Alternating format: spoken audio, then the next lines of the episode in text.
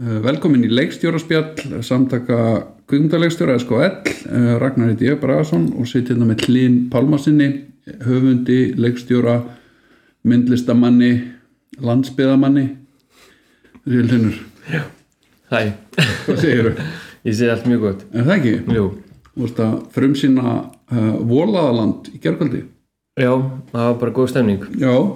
Virkilega gaman Loksins Loksins er ekki, það fyrir að líða ári frá kann fyrra. Já, það er aðeins svo langt Það er aðeins svo langt. Já, ég fann það Já, og ég var svona hálf pyrraður að gætum ekki bara komin út og að því að það er svo mikið eh, fjölskyldu og vinnum sem að tóku þátt og, -hmm. og þau voru svona að byrja að býða svolítið lengi, búin að vera að býða svolítið lengi já. En eh, einhverju náttúrulega séðan kannski verið á kann með þér og, og eitthvað svona. Jú, að fór stór hópur út sko Já. og það er alltaf gaman Já, en hérna en, en svona eldra fólkið sem er ekki mikið að ferðast Mhm. svona ömmunar hafanir og mm við erum búin að býða og býða já. að, Betra sint en aldrei. já, Hérna, við höfum svona haft það fyrir reglu að kannski byrja þetta bara á upphæðinu. mm Svona þinni leið í þetta sæti sem þú situr hér við það- hérna með mikrofónin. já hérna hvað, þín leiðin kannski svona að einhverju leiti áhefbundin þú veist, í gegnum myndlist og slíkt Mhm. en ef við tölum svona bara um kvikmyndir eða formið kvikmynd skilur, hvenar verður svona meðvitaður um það og hvenar Mhm. er að taka það inn sko, ég segi alltaf 13 ára Já. ég veit ekki alveg af hverju en ég held að ég ólst upp með mjög svona basic bara svona vestræna kvikmyndagerð Hollywood og þú veist Star Wars, Indiana Jones og allt þetta hefðuna já, og fannst það bara frábært. Fannst gaman að horfa á bíómyndir. Og var ekki mikið fyrir að lesa og, og hérna, fór svona leitaði svona frekar í bíómyndir. Mhm. og svo, svo fann ég sko svo þegar ég fór að vera aðeins eldri þá fór ég svona að vinna einhvern veginn og fór, var mikið að taka upp á svona videokamerur og já, klippa saman og, og þá fann ég að ég var svona eitthvað háður þessari tilfinningu sko þegar hlutinni koma saman. Já. Mynd og hljóð og, mm og geta breytt stefningu og, og byrja eitthvað annar staðar og setja texta inn og, það var eitthvað svona við það sem bara ég var mjög fljótt svona svolítið obsess, obsessiv yfir. Mm og ég man eftir að þegar ég var að gera skólaverkefni þá var ég ofta að reyna að finna leiði til þess að breyta, breyta þeim í videoform já, ég gerði það líka. Það var bara svona íslenska íslensku áfangi í njálu eða eitthvað. Breytum, getum við ekki gert eitthvað annað? Akkurat njála líka hjá mér. Þannig að þetta er, reynilega eitthvað. En en, uh, en svo bara, veit ekki svo fór maður að taka þessu meira alvarlega og, maður fór að ég maður eftir ég sá Kubrick já, og svona einhvern veginn hann er nefnilega svona líka inn í mainströmmnum þannig að hann er svona góð dyr inn í eitthvað annað. Og, og ég man eftir ég horfði á hann uh, ég horfði á hérna, um, Clockwork Orange og, og var svona svolítið bara í sjokki sko. Og, og, þetta hafði svona ég, mér fannst hún er ekki góð sko. Og fannst hún eiginlega hálf svona brútal og já, fór ítla í mig veginn, en, en hún hristi svo vel upp í mér. Já. Og ég var alltaf að hugsa um hana og, þá fór ég svona meira að skoða meiri svona myndir og fór að svona hafa áhuga meira á evróskum myndum og, og kannski ég held að ég líka fundist að svona meira ekta eða svona nær mér Já. á mörgu leiti já, að því mér fannst það persónlegt mhm, en mér fannst það ekkit, ekkit, ekkit, ekkit endilega prívat eða neitt þannig mér, mér fannst það svo persónlegar bara svona í útrykk eða Já. maður getur sett það Já. í svona já Þannig að ég svona leittist það einhvern veginn meira og meira dýbra í það sko. Hvar varst í skóla? Eða þú veist eins og svona mentaskóla svona. Hvar, hvar er þetta alveg upp Sko ég ólst upp á Hortnafriði Já. en bjó hjá ömmu afa í Borgarnesi var í skóla á Akranis aðeins. Já, fór svo í bæinn í Ármúlan mhm, og kláraði þar stúdendin mhm, og fór svo- bara strax út sko. já, og ég fór í Evróskan kveikmyndaskóla mhm.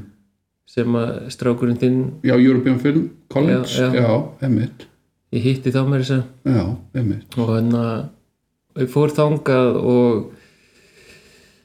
já og hérna var svona uh, langaði svona að kynnast hérna um, fólki já, sem að eru líka í kvikmyndagerð. Maður var svona svolítið einn já, á höf sko í þessu. Já, og svo eftir það þá fór ég í ljósmyndanám í Kaupanum já, læriði myrkraherbyggi og var eiginlega bara í myrkraherbyggi bara í, já bara í myrkrinu bara í eiginlega ár sko. Ok.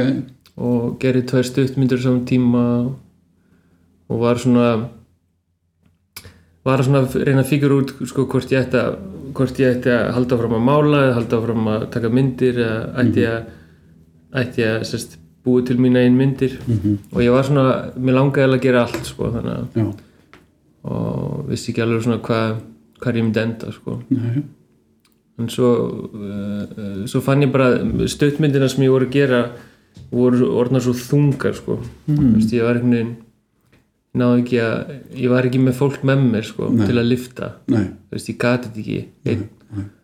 og þá fór þetta að vera svona svolítið bara erfitt og var ekki alveg vissum hvort þetta væri málið en þá, þá hérna og þá ákveði ég svona að sækjum hann í danska kjömmundaskólan og, Mhm. og finna mér svona key function sem að e, þú veist finna mér klippara, finna mér Já. finna mér framlegenda og, og, og mér fannst þess að það svona rétt í skólinn fyrir það já, og við vorum ég Hildur vorum komið barn og fengum tvo stráka í viðbútt bara á meðan vorum í skóla sko. já, þannig að mér, mér fannst ég ekki geta gert þetta svona það góða við danska skólan er sko að þú, þú getur, getur einbettir að náminn í fjóra ár. Mhm. og svo er aðri skólan eins og Super 16 sem að þú þarft svona að vinna með. Já, og ég vissi að ég geta ekki sko. nei. Ég get með fjölskyldu og, og já, fó, annan tvöfaldan fókus. Já. Þannig að, en þetta, þessi, þessi fjóra ár hérna í danska kvikmyndaskólanum voru mjög mikilvæg fyrir mig sko Já. og, og það sem ég gerir núna. Mhm. og það er svona bæði svona lokaverkefni gaf mér svona möguleika að gera kvikmyndi fullur lengt og, og er svona opnu ákveðin dyr. Mhm. ég fann fólk, eh, fann rosalega gott fólk sem ég er enda að vinna með og, og það var svona eiginlega líkillinn sko. Já, að því að hver skipti sem ert búið með mynd þá svona langar manni að gera aðra og veist, þessi svona drifkraftur og að hitta fólki aftur og þannig að já, þannig að í rauninni eftir þetta ár í, í, í myrkraherbygginu þá bara ferðin í danska það er náttúrulega kannski er ekki þú ert að kunna tungumálið og eitthvað svona það er náttúrulega kent á dönsku svona þannig að það hefur verið faktor í því kannski líka. Já, ég var alltaf með svona smá mamma minni kullu eða danska og við, við byggum í Danmörku þegar ég var lítil sko, já, ok, í nokkur ár. Já, og þar fekk ég svona grunn uh, smá svona grunn í dönsku. Þannig ég tala svona ég, ég held að ég hljóma eins og Danni en ég ger það ekki segir klipparum minn en, en hérna og svo allir danir halda þér hljómi eins og englendingar já, guð, nei, það er langt frá því. En það var allavega svona já, þá, þá ég er með eitthvað grunn. Og, og ég fann það en ég var rosalega svona þreytur fyrstu mánuðina Mhm. og var eiginlega bara svona hlusta og svona virkilega reyna skilja. Já, um, en svo býr maður svona ég held að maður býr sér alltaf til bara svona sinni einn kvikmyndaskóla. Já, einmitt. Maður fer svona að grúska bara í bara svona því sem maður er áhuga sko. Já, og ég gerði það og, og þetta var svona mjög frútfól eða svona já, ár. Já, og ég var virkilega svona að reyna að finna út hvað ég fílaði og hvernig hverstags svona eða hvernig ferlið mér fannst spennandi sko. Mhm, og ég, já, og mann er svolítið líka kastað út í alls konar mhm, situations sem eru sem ég hafa gott að ég er svona feimin úr sveitinni og veist, þetta er svona gott fyrir mig að ég var svona ekkert að að ég, ég, þetta hristi svolítið upp í manni og, mhm, og svona já, ég held ég hafa gott að þessu. Mhm.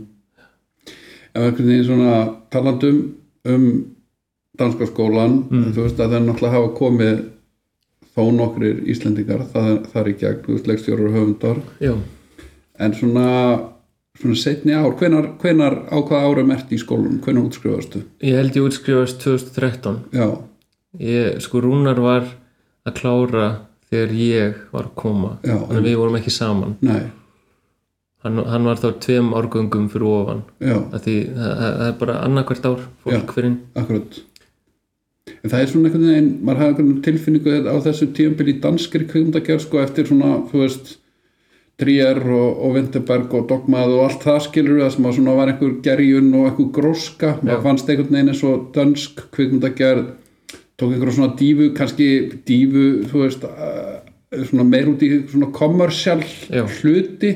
Já, en hérna hvernig, hvernig litið er í skólanum við aðra og kennara og svona stemminguna. Sástu fyrir þér að þú mundir mögulega vinna í Danmörku eða já. varstu öðruvísi?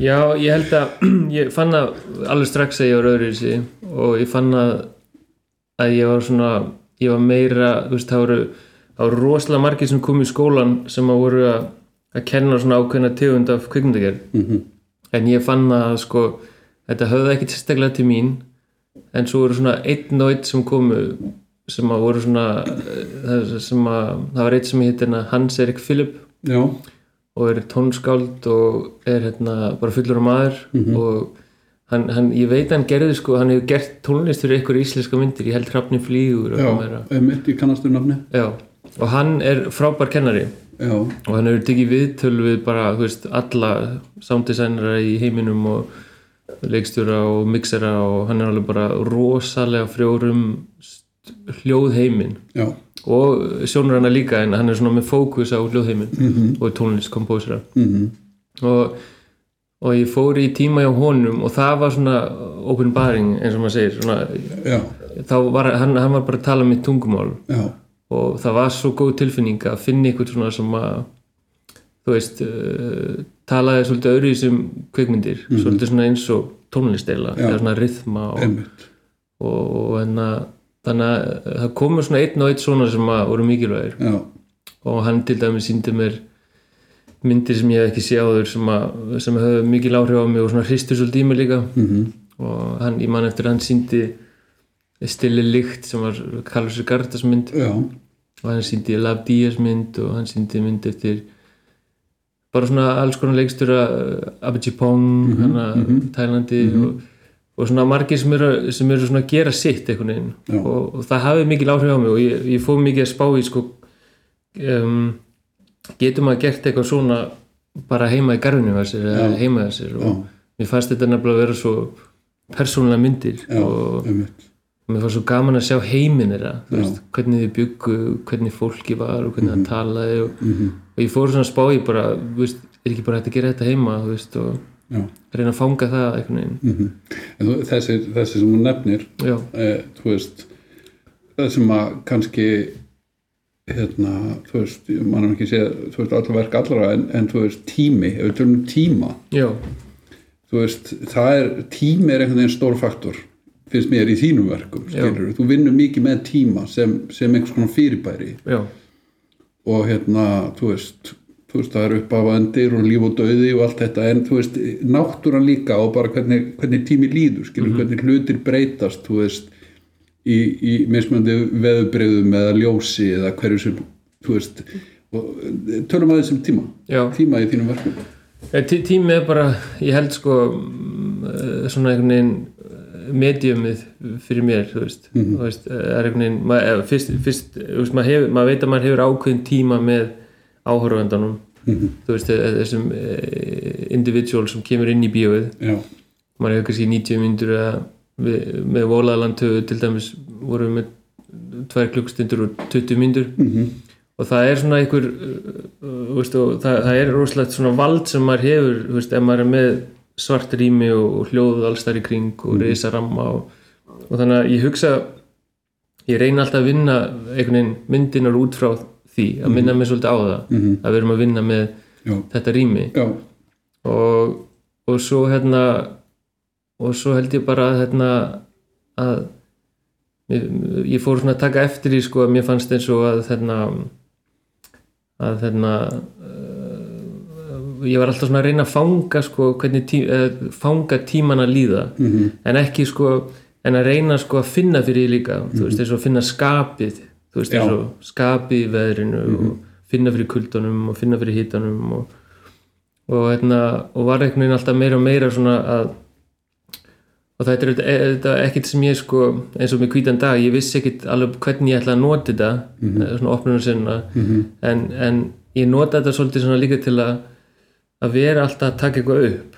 Já, þú veist eins og til dæmis að ég var að skrifa handrit og, og, og það var svo gott að fara í hverju viku að taka upp og vera með kameru í bílnum og, og hugsa um myndina og taka hans upp og, og svo kannski eftir mánuð að senda myndin í framkvöldun svo fá materialið og, og svo sitja með materialið og reakta Mhm. hérna, við materialinu og mér, mér finnst það eitt af því sem að virka best á mig Mhm. þú veist, eins og þegar ég er að þróa mynd þá þarf ég að vera að skjóta þá þarf ég að vera að pröfa já, til þess að svona að, hérna, að hlutinu rúla annars, það er svona viðhalda kannski já, þú veist, að, þú veist, upp, þú sért að uppgöta í ferðalaginu. Já.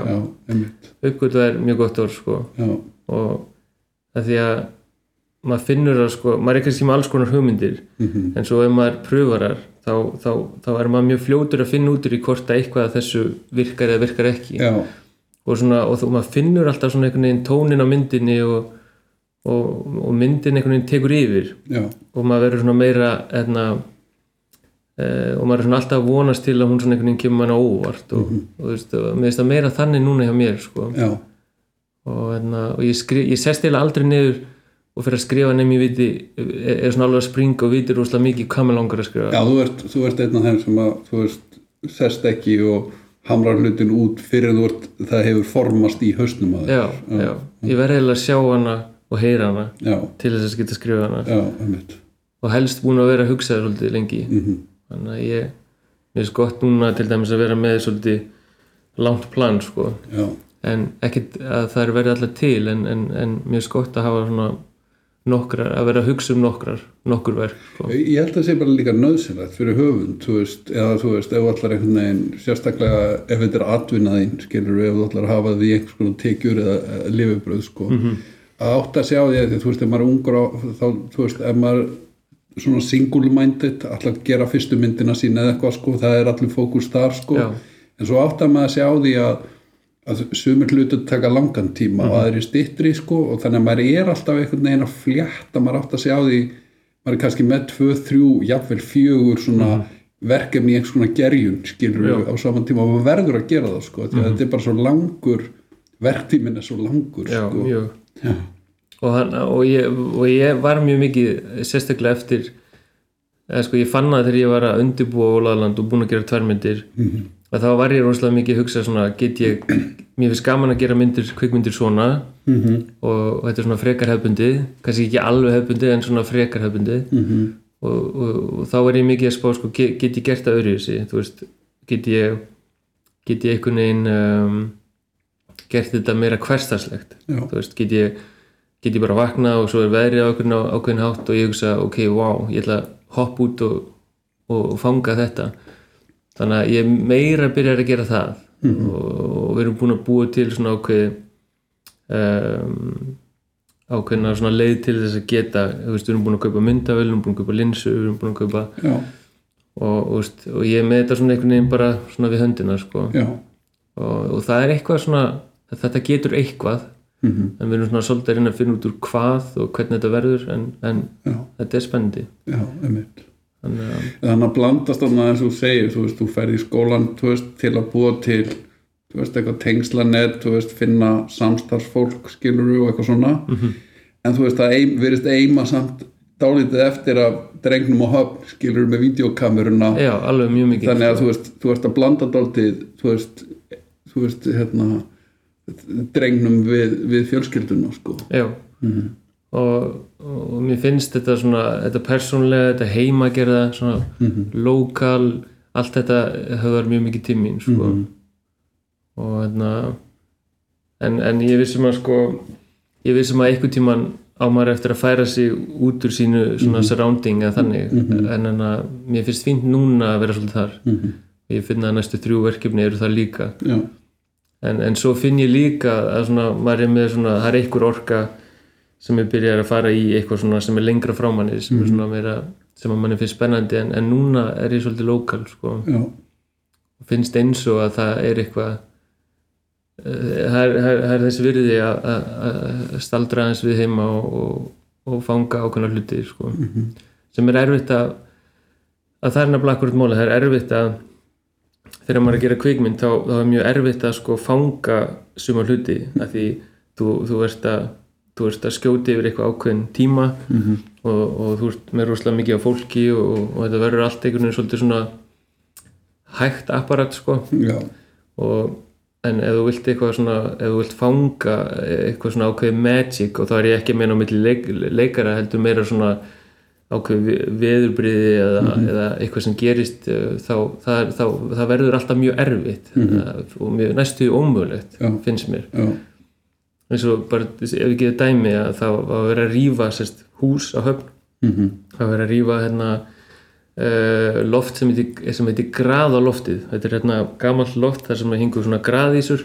Já, og ég var með stúdíu þar til að mála í alveg síðan 2006 mhm, þannig að ég var svona með svona mixed uh, emotions yfir þessu og var svona frekar mér finnst þetta leðilegt að vera að rífa það og það fór eitthvað svona illa, fór eitthvað tögunar mér að þeir voru að rífa þetta hús. Mhm, og ég er svona reyndað að stoppa það og fá, fá það til að gefa mér að og eitthvað svona og það var ekki hægt og, og svo var komin að, komið að því og þeir voru búin að sérst saga allt þakið hérna frá steipunni mhm, þannig að það var eiginlega bara laust. Já, og ég kom hann að hlaupandi með kameruna og sérst vildi fara inn í húsi og spurði bara, ég verði að fara inn í húsið og taka upp þegar þið takið þakki af. Þau liftaði af Já. lyfta, já, og svo fundu ykkur stað fyrir mig það sem var örugt og, og ég byrjaði að rúlla. Og svo var sko þakkinu svona lift af. Mhm. svona eins og Guð var eiginlega bara Já. að taka eitt þakki og, já, svona. hrammur hefði. Já, og það var svo mikið magic. Já, og það var svo eitthvað stórkvæslegt og komið svo óvart. Og hérna að, að ég hugsaði strax sko bara já þetta er opnun á verkefni. Já, já. Veist, mér fannst það svo 100% þú já, og það er svo bara svo bara óks einhver saga og narratífa í kringum það og þannig að þetta er svona skríti hvert að stundum hvar kveikjan er sko. Um mitt en þú ert náttúrulega með þú veist, kannski í öfugu öfug þessi saga er, er þú veist hús hérna hús hlutin í, í hvítum hvítum degi skilur, það er að vera til hús einhvern veginn skilur, eða heimili. Uh, í hreðrinu eða nest ertu náttúrulega með veist, það er verið að búa til veist, það er bú, verið að búa til hús. Já, þetta er áhugavert. Já, þetta er rosa skrítið þetta er, ég held nefnilega reyður og væri svona mér fannst þessu reyður fyrir mér var rosalega mikið að fanga að vera með börnunum mínum og fanga tíma með þeim áður en að þau fljúu reyðrinu og áður en þau eru stór mm mér finnst þau stækka svo mikið núna. Mm -hmm. þannig að það var svona það var svona svolítið hjartað í því verkefni. Mm en svo er eins og ég fari alltaf í eitthvað svona byggi project sko. Ég er mjög svona hrifin af af uh, hlutum sem að vaksa eða þú veist að þú veist, mér, mér er alltaf langað að búið til myndum bara tré sem vex.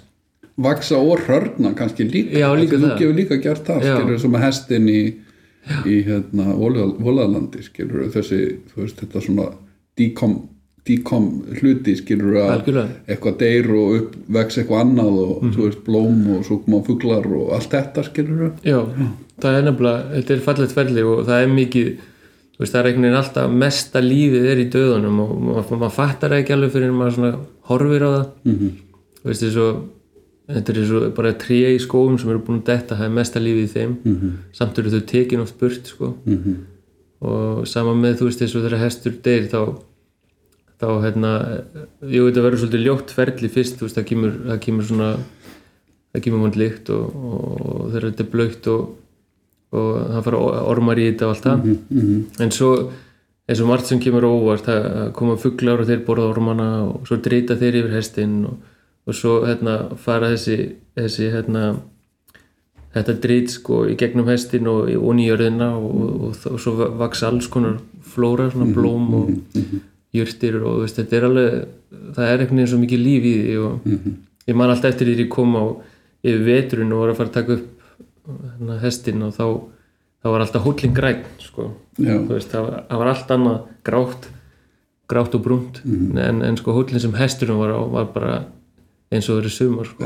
Það var útrúlegt líf af döða mér finnst þetta svo áhugavert með uppháspunkt, Mhm. talandi um uppháspunkt að þú talar um þakið sem liftist skilur og þú, þú fangar það því það er eitthvað, veist, það er ekki þú veist, á þinni stjórn, það er eitthvað sem er að gerast í rauninni já, í náttúrunni eða umhverfinu, hvort sem það sem mann gert ekki, þú veist, en það er uppháspunktur, þú hugsar þetta, það, þetta er uppháspunktur af nýju verki. Mm sko, sko við, höfunda, við erum svo ofbáslega misjafnir sko, þú veist, margir byrja einmitt á einhverjum svona frekar abstrakt hlut skilur sem uppháspunkt, þú veist, einhverju einhverju andrumslofti eða einhverju svona, einhverju svona aðrir kannski bara, þú veist, eru stöðut á þessum, ég er, ég er sko stöðut á þessum karakter, skilur, ég er alltaf að til personur af þeim sprett eitthvað, Já. þannig að þú veist, það er alltaf, ég byrja alltaf á einhverju innra lífi karakter svo, og svo vex það, það mjög það er mjög misjamt, mér finnst þetta svo áhugavert, sko, þú veist,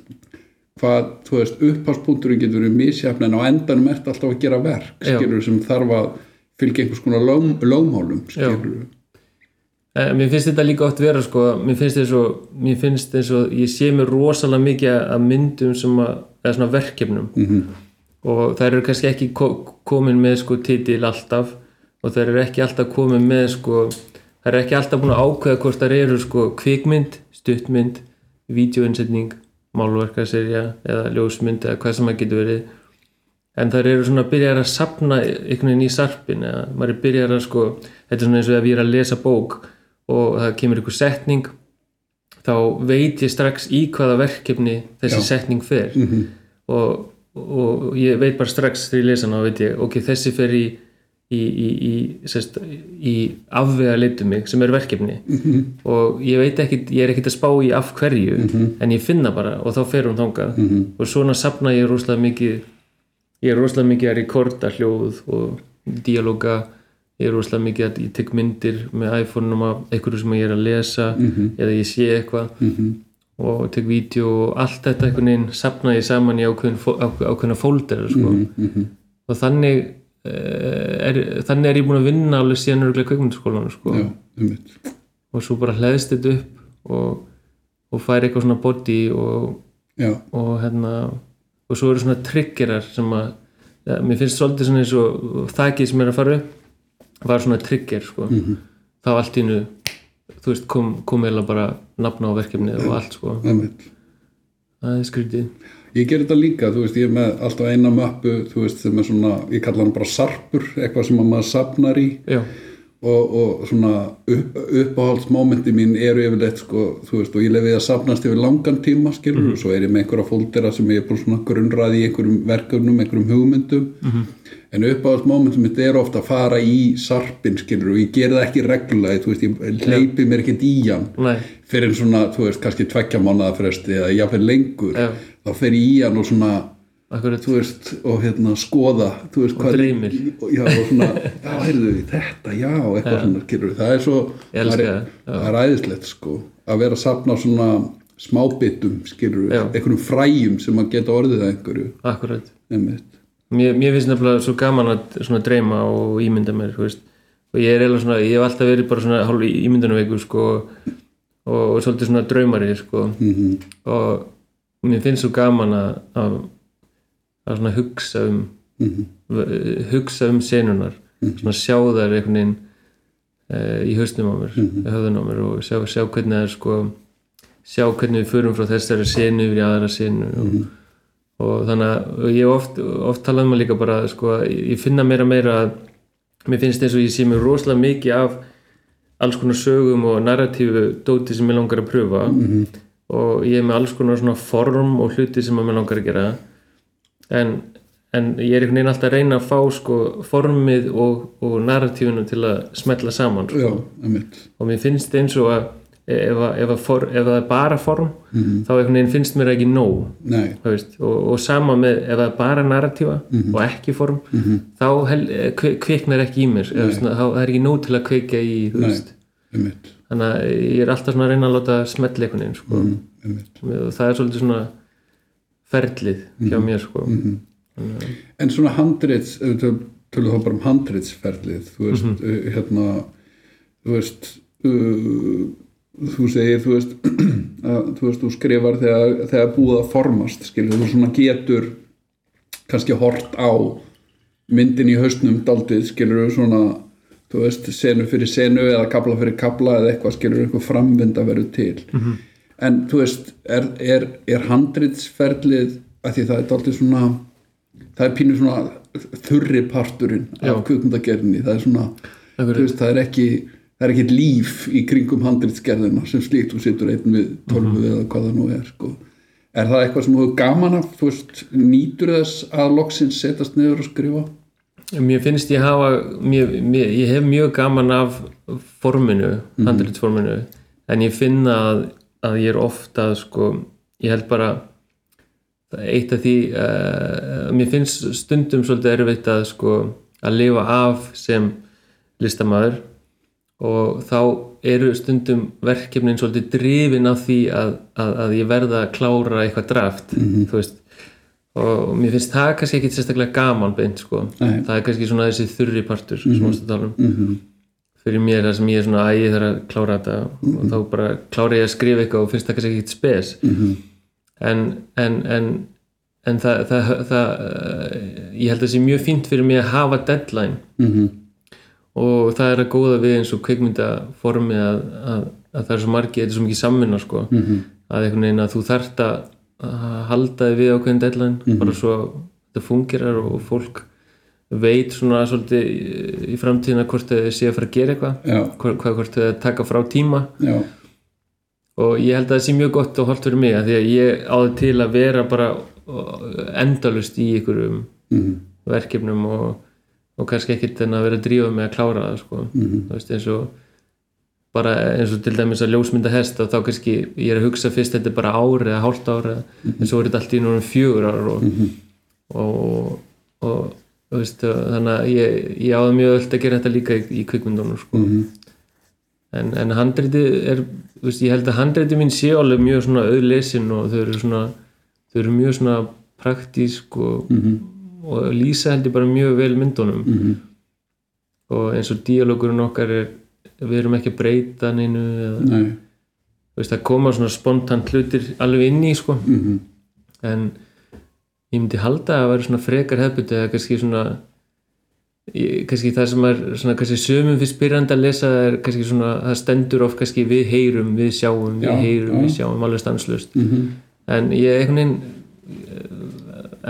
veist, ég get, get ekki slefti ég, nei þannig ég var einmitt bara að lesa grein um daginn sko, þú veist ámaður að segja við sjáum og þetta skilur við, þú veist, og, þú veist ég ger þetta mjög oft sko, þú veist, við sjáum þetta og, og hérna, við heyrum. Já, skilur að því að þú ert að lýsa í rauninu, þú ert að reyna handrit er náttúrulega einhvers konar þú leiðarvísir fyrir áhorfanda eða Já. lesanda, skilur þú, að, þú ert að reyna að segja honum hvað er. Þú veist, þetta er ekki litteratúr sko. nei, þetta er öðru en læturu, þú veist æfiru, þú veist, með leikurum áður mikið þú veist, lest senur og svona eða, þú veist, einmitt, bara með díalóga því díalógar er, er oft svona eitthvað sem að þarf að mótast þú veist, rétt í í, í, í höfði og talfærum, Já. þú veist, leikarans Sko, mér, það var svona, það tók mér svolítið tíma að svona finna út svona hvernig fólk talaði í myndunum mínum.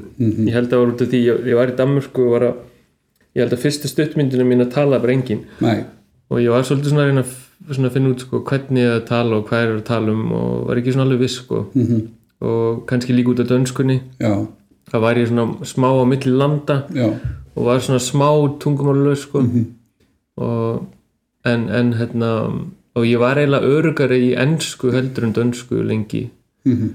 og hérna en svo byrjaði ég svona að skrifa fyrir eitthvað og það, þá fann ég að þetta var þetta, þetta gekk betur út af því að þá var ég með eitthvað í huga. Mhm. þú veist, fyrir hvern er ég að skrifa og þú veist eins og þegar ég, núna hef ég skrifað mjög mikið fyrir yngvar til dæmis eða, eða Elliot eða, eða, dót, eða Ídu eða stelpunum mína og þá get ég svona nokkur neginn sko hei- séðu þú heyrir það eiginlega sko, þú veist, þá bara séð þau lappandum og, og þau fara að tala saman og þá, þá eiginlega bara apa ég eftir því sko. Mhm. Þannig að og ég finn að það höfðar mjög vel til mín sko. mm er, mér finnst ég nefnilega aldrei hafa verið mér, ég, mér finnst ég ekki vera veist rithöfundur eða þannig mér finnst ég ekki mér finnst ég ekki sérstaklega svona að ég veit ekki, mér aldrei finnst ég vera þannig beint sögumæður sko Mhm. en, en hérna Nei, ég veit ekki Mhm. En það er náttúrulega, það er líka ákveður ekki eins og þú segir, þú veist að vinna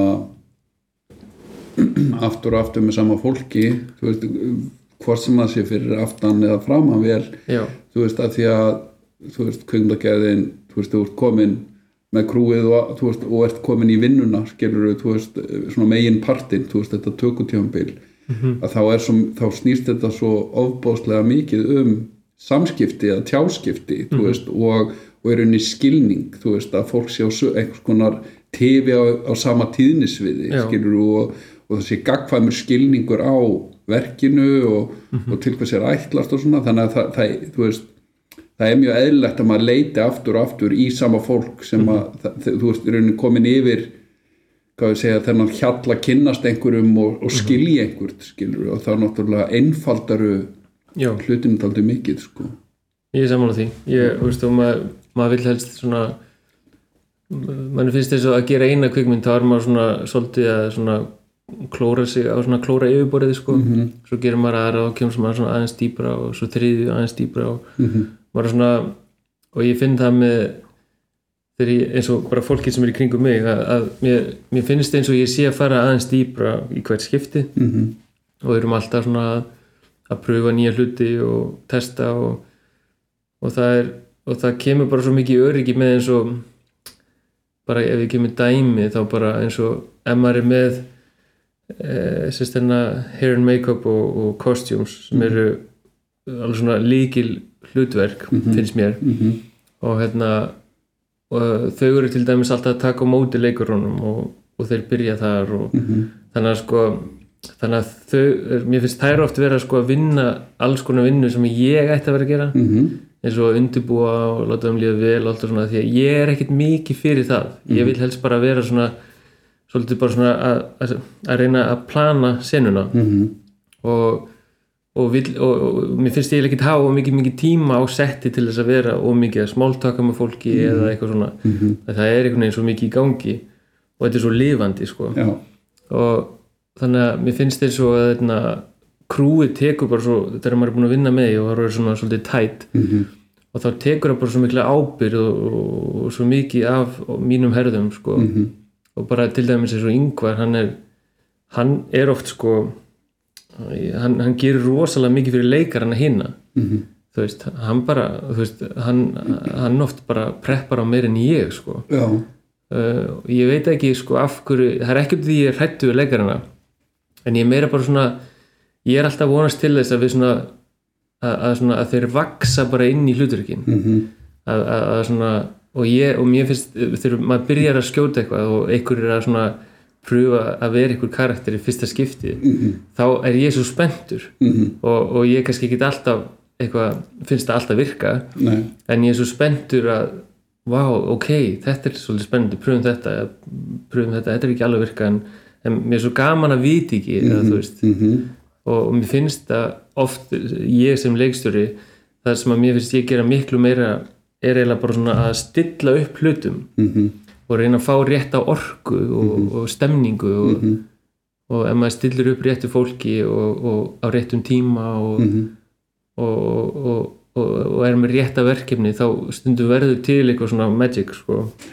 eða svo margt í þessu sem varst akkurat að segja, að segja núna sem að, þú veist, mér langar að pikka upp á sko, þetta er mitt sko, þú veist, leikstjórn þú veist, bara sem fyrirbæri þú veist, hvað gerir leikstjóri og þú veist, þú veist, ég hef kent aldrei og, og þú veist, svo hittum maður og tala við ung fólk og eitthvað svona maður, þú veist, og fólk forviti hvað gerir leikstjóri og hve- hvernig á maður að leikstjóra já, er og það, það er engin regla skilur, eða þú veist, það er engin leikstjóri eins það er engin sem að sko, þú veist, þú finnur bara hvað virka fyrir þig þú veist, og þú býr til þú veist, þína reglur þú veist og, og hérna, veist ég til dæmis sko, eigði mjög miklum tímum með leikurum. Veist, í undirbúningi ekki á setti þá vill ég helst bara ekki tala við leik, mikið við leikara því þú hefur ekki tímið það sko. þannig að ég eigði ofbóðslegum tíma með leikurum skilur ekkert ofbóðslegum en, en ofta ár kannski, þú veist, er ég að hitta leikara reglu og ræða handritið eða, eða karakter eða hvaða nú er sko. og það er kannski veist, enn og aftur að því að það er mín leið einhvern veginn inn, skilur Já. veist, ég hef mest ánægja af því, veist, eh, bara svona baksugunni og karaktersköpun og, og öllum núansunum, tóttum að sjá aldrei nema einhver topp á einhverjum ísjaka, þá finnst mér alltaf ég þurfa, Já. þú veist, mér er svo gaman að búa til það sem er hulið, sko. Eins og Mike Leigh kannski? Já, og- þú veist, það, það er svona einn af mínum inspirasjón og kassavetti, svo meira svona þessir Já. þessi tegund, sko. Svo eru aðrir sem að, þú veist bara hitt ekkit leikarina sína fyrir bara á fyrsta tökudegi skilur þú veist, út í allenni eða eitthvað. Já. en samt sem að maður hefði haldið að vera svona leikaramaður af því að þú veist, þær snúast ekki um myndlist eða, eða form, það er meira bara fólk, þú veist, í úrban umhverfi, sko. En að það er engin regla, Nei. skilur þú finnur bara hvað er rétt. En hitt, þetta er nú ekki Mhm. við, hérna, er ekki spjall við mig en hitt sem við peka upp á þarna er búningar og gerfahannurinn og Mhm. það fólk að þú veist, mér finnst það oft vera þú veist, ég er að vissu giftur búningahönnuði þannig að þú veist, mér er málið skilt sko, Já. En að því að þú veist, ég, hérna, mér finnst sko búningar og gerfi vera svo mikill partur af persónusköpun Já. og mér finnst að það er það sem að, sko, er mest í mynd sko, það er yfirleitt sko leikarinn -hmm. og hvernig hann lítur út skilur, hvernig hann er klættur og, og þú veist, hvernig er hárið á honum og allt þetta -hmm. og, og hérna, þú veist og mér finnst ofta einhvern veginn þú veist, að ég eði miklum tím í það sko, Já. og hérna og, og mér finnst sko, þú veist, sérstaklega kannski svona framleiðendur og þú veist, fólk leggur svo lítið upp úr þessu, finnst þetta að vera svona eitthvað þú veist að tala um smink og bún eins og það sé eitthvað svona, eitthvað beauty department skilur nei. ekki partur af sköpunni Já. og svo er þessi félagslega að þú veist þessi þáttur að nákvæmlega svo segir sko leikarin eigðir miklu meiri tíma oft með þessu fólki, þessum listrænum stjórnendum heldur en leikstjórunum Já. það mætir í smink og búninga og þar verður til stemming þú veist og það er svo mikilvægt að þetta það fólk, þú veist bara í samtali við leikaran, þú veist að taka ákvarðanur um eitt og annað mm.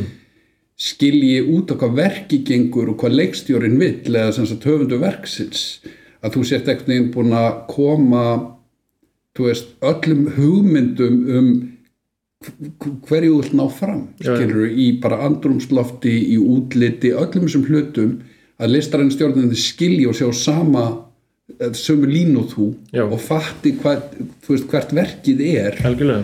Að því að það þá tekur það fólk yfir sko ef með þetta. Getur þú veist veit sko ef leikarinn er óurugur með eitthvað skilur þá byrja það ofta einmitt bara í, í búningum eða í, í, í sminkinu skilur Akkurat. og þá það, ef að það fólk er með þér í liði sem skapandi einstaklingar og hafa þú veist hvað ég segja sko þú veist um, ábyrð að þá skilar það sér veist í verkið skilur þú veist.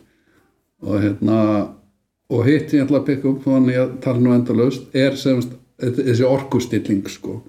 Þetta snýst sko eiginlega allt á endanum um að koma öllum á sömu blaðsíðu sko. Hvað sem að sé leikarinn eða tökuliði að, að bara búa að því leikstjórin býr til andrumsloft er eitthvað svona heim. Mér, mér finnst mjög gaman að búa til svona heim og bjóða fólki inn í einhvern heim. -hmm. Og ég held að það sé svona kannski einn af svona fáum hlutur sem ég get svona að því uh, ég, ég er svona að reyna að vera mjög svona invitive eða þannig. Ég, þú veist ég bý til til dæmis bara með Vólaland þú veist að árið 2013 þá byrja ég að skrifa og, og þá ge- gerði ég mína fyrstu sem sagt, fyrir þá, það verkefni. Það er svona það er svona sjónræn eh, uh, bæði sjónrænt og hljóð. Mhm. svona vídeo, kannski 10 myndur 20 myndur, misamt Mhm. sem að er svona ferlið ég að reyna að finna myndina á sama átt og handrit er ferlið að reyna að finna myndina. Mhm. og ég hef alltaf gert þetta, ég hef alltaf gert sko bæði svona sound and audio file og svo handrit. Og alltaf gert þetta samlega já, og svo kannski þegar kvikmyndin er búin þá er maður kannski komið fjóra og fimm dagbækur. Og, og þetta finnst mér virka mjög vel að koma fólki svona inn í hennan heim og þá fá þau rosalega mikið af uh, ekki bara upplýsingum en líka bara svona stemningu Já. og tónlist sem ég er að spá í myndum og ljósmyndum og, og hlutum sem ég er að testa og, og það er ofta að ég er að testa kostjúm með leikurum eða ég er að fara á location með leikurum mm. og alls konar og, og þetta finnst mér hérna, vera rosalega svona náttúrulega leið fyrir fólk að komast inn í verkefni Mhm. og skilja það á eitthvað svona hátt það sem að það er ekki alltaf bara um, orð. Nei, það er, það, þú, kemur miklu meira upplýsingum bara með einni ljósmynd Já, skilur, ég, ég hengi oft upp bara á þú veist svona fyrsta fundi með þú veist svona leikil fólki þú veist hvort sem maður gerir það þú veist á einstaklingsfundi eða í hópfundi eða eitthvað. Og bara hengi upp þú veist bara ljósmyndir þú Mhm. veist og oft er það þarf ekki nema bara eina ljósmynd sem bara lýsir þú veist þetta er verkið sko Mhm. Já. þótt það sé oft aldrei svona abstrakt að einhverju leiti þá bara horfa þá ski, það bara verður einhver tilfinning og líka með músík sko, bara Mhm. Já, já. hlusta á þú veist það er svona hef ég stundum sko hefur sko tónskaldið oft byrjað á músíkina áður ég fer Mhm. þú veist í tökur þannig að það verði einhver svona tilfinning Já, skilur algjörlega það er bara svona, líka bara stundum er þetta líka bara veist, finna fólk sem að mann er skemmtilegt að vera í kringum og mm kreatíft og skemmtilegt og maður vil hitta aftur og maður vil fara út að borða með þeim og maður vil, veist, hanga með þeim og, og maður vil spjalla saman um eitthvað og þetta er eitthvað svona þetta er oft svo basic sko, þetta er svona eins og ég oft spáði í svona að vera með klippara. Það er svo mikilvægt að maður er með klippara sem að maður er svona nýtu þess að vera saman með. Og alveg eins og með sound designer og mm veist, maður verður einhvern veginn að hafa áhuga á samstarfi, áhuga á að vaksa saman, vera eldri og spekulera og spjalla og borða og drekka og allt þetta sem maður gerir til að njóta lífsins og veist, það- þetta er einhvern veginn svona, þetta verður að vera gaman sko. og það er stundu sumir halda kannski að eitthvað sé, sé alveg svakalega alvarlegt sko, að myndir séu, séu svona alvarlegar en, en, en það er oft svona mjög mikið playful í kringum það og, og en að mér finnst það mikilvægt sko. mm. en, að, já, ég, ég held að flestir svona þú veist, skrif undir þetta sko, þú veist, maður læri það líka þú veist, ef þú ert í þú veist, það tekur kannski stundum eitt, tvö verkefni að, fatta sko að, að hérna, lífið er einhvern veginn of stutt og dýrmætt til að eyða því með fólki sem þið langar ekki að vera með Já. skilurðu, eða hefur neikvað áhrif á umhverju sitt eða eitthvað. Já, og þess vegna, þú veist, hef ég þú veist, maður að í, í, í sitt ítrasta þegar verið er að manna, þú veist, krú og svona að þú veist, vera þú veist, alveg, hérna, anal að skoða, þú veist, hvað fólk ef þú þekkir það ekki, skilur þá er ég að tala kannski ekki líkil, þú veist, líkil starfsfólkið eða listarinnu stjórnendunir já, þetta er meira svona bara, þú veist hver er að, smyrja samlokuna skilur Já. eða þú veist, hver er aðstofa ljósamannin og eitthvað svona sko, bara vita hvað fólk þetta er þú veist, hvernig er það og bara koma í veg fyrir að því að þú veist, það, það er svo auðvelt að skemma út frá sér sko, ein neikvað manneska Mjög. getur eðilagt svo margt sko En þetta er svo, ég hitti, ég var í Telrauta sína Vólaland með Ídu og, og vorum að labba og vorum á franskri mynd sem heitir One Fine Morning sem er mjög falleg mynd, mjög, mjög, ég fíla hana bara mjög vel. Og svo hittu við leikstjóran bara á rölti M- Míu Hansen. Og hún stoppaði og við spilum og svo sagði hún sko að hérna, hún, hún, hún vildi komast í samband við tökumann minn, sérst Maríu. Og ég gef henni e-mail og eitthvað svona og, og fyrsta spurningina var bara hérna, is she kind? Og mér varst það svo frábært sko, það veist, bara, bara ég var svo fegin þú veist, og, það, og þe- þegar hún spurði mig þetta, is she kind? Þá hugsaði ég strax sko, á því eftir að vinna fínt saman. Já, þú veist, að því að, að því að svona uh, það var ekki þetta er líka stundum svona, fólk er stundum að rosalega mikið að einhvern veginn að sækjast í eitthvað svona það best, besta af öllu sko, Já, og ég veit ekki eins og hvað það er Nei, einmitt, einmitt. og þess vegna er fáranlegt að við erum alltaf að keppa um að, um að gera bestu myndina og besta leikar og eitthvað svona þetta er þetta algjört kæft já, en, en, að, en að mörgu leiti er þetta, það er þetta uh, frábært að vera með festival og frábært að vera að sína með öðrum myndum já, og vera í díóloga við aðra kveikmyndir og allt þetta er þetta bara æðislegt og, og eins og fyrir myndir eins og, eins og myndinar okkar þá er festival veist það sem að býr til líf veist og gerir okkur kleift að gera bíómyndir þú veist. Ef það væri ekki fyrir festival þá væru við ekki ekki að geta fjármagna myndin okkar sko. nei, einmitt. En uh, já, fyrsta mynd, ef við talandum bara fjármögnun og það, það blessaða ferli allt saman sko. Þú veist eftir, þú veist, þú veist, eftir skólan þá gerur þarna eina tvær stuttmyndir og gerir þarna peintir eða ekki? Jú og, og Seven Boats eða sjöbátar akkurat. Uh, þú veist, hvernig hvernig gekk að gera fyrstu? Veist, var það eitthvað sem að svona veist, fyrsta mynd er oft svona Mhm. þröskuldur? Ég meina ég bara fjármögnun að, fá fólk til að, hérna, trúa því og treysta og getur gert kvikmynd? Þetta var eiginlega svona þannig að sko málarinn var bara fjármagna af skólanum. Og það var bara loka verkefni í skólanum. -hmm. Og þá var ég svolítið mikið svona að pröfa að blanda svona Íslandi við Danmörk.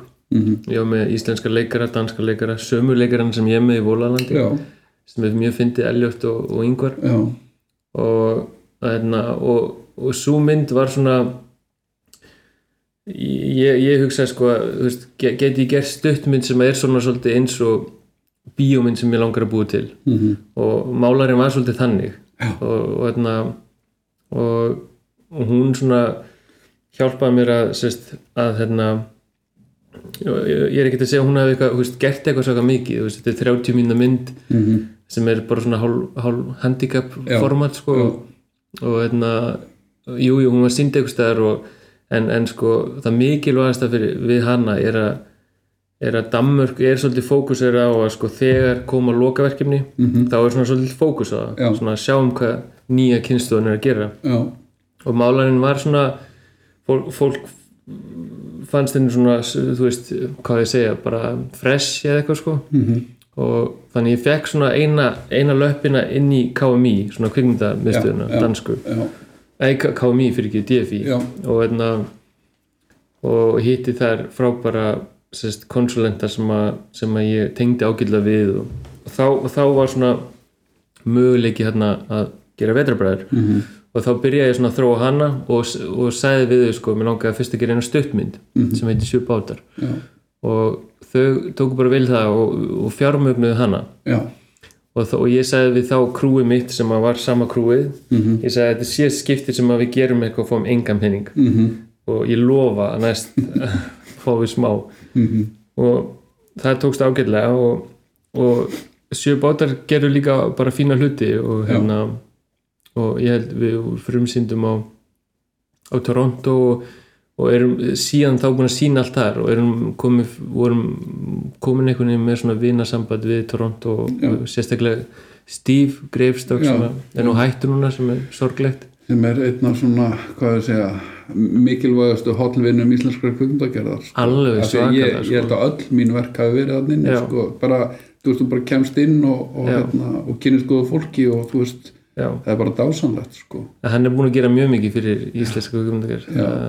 Og það eru oft svona, þetta er oft bara einstaklingar. Já, Veist, er, ma maður finnur að meira og meira þegar maður fyrir að sína myndinu sína að það er svona svona heyrir maður eitthvað nafna aftur og aftur og þá er maður svona, "Bíddu, hver, hver er þetta sem maður er alltaf að tala um, því hann er alltaf einhvern veginn að gera allt fyrir myndin okkar og ég veit ekkert hver þetta er, ég hef aldrei hitt hann og, þetta er oft svona einstaklingar sem að, já, sem að styðja við myndina eða, já. ég man ekkert hvað ég er að tala um.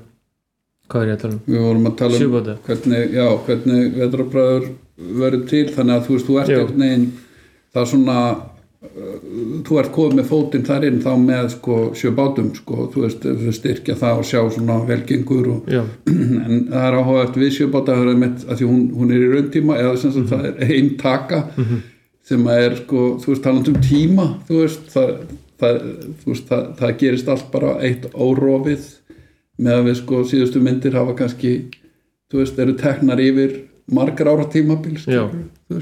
já alltaf, alltaf tíminn. Mm og mér langaði að búa til svona þú veist, svona moment þar sem að maður er svona að, að svona reyna að finna út hvað er í gangi. -hmm.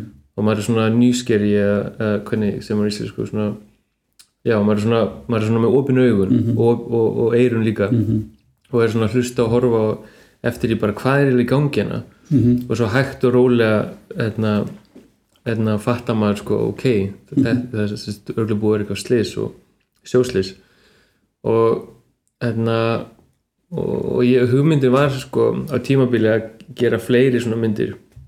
Að gera sérst sjóslýsið sjálft eða hvað var að gerast í landi þegar sjóslýsið gerist og, og ég einhvern tíma skrifaði sérst ég hugsaði sko ég ætlaði að gera sérst þennan kvikmynd sem myndi heita Etudes og svo myndi maður setja sko kannski ég held að þessi myndi að vera tíu myndir og þá hugsa ég sko, ég ætla að gera nokkra tíu mynda myndir já, og bara hver mynd er bara tekin upp á eina rúlu já, og svo ætla ég bara að setja þær saman og gera kvikmyndur í aha, en ég einhvern veginn uh, fann aldrei uh, þú veist að þetta stoppaði svolítið í ferlinu og, Mhm.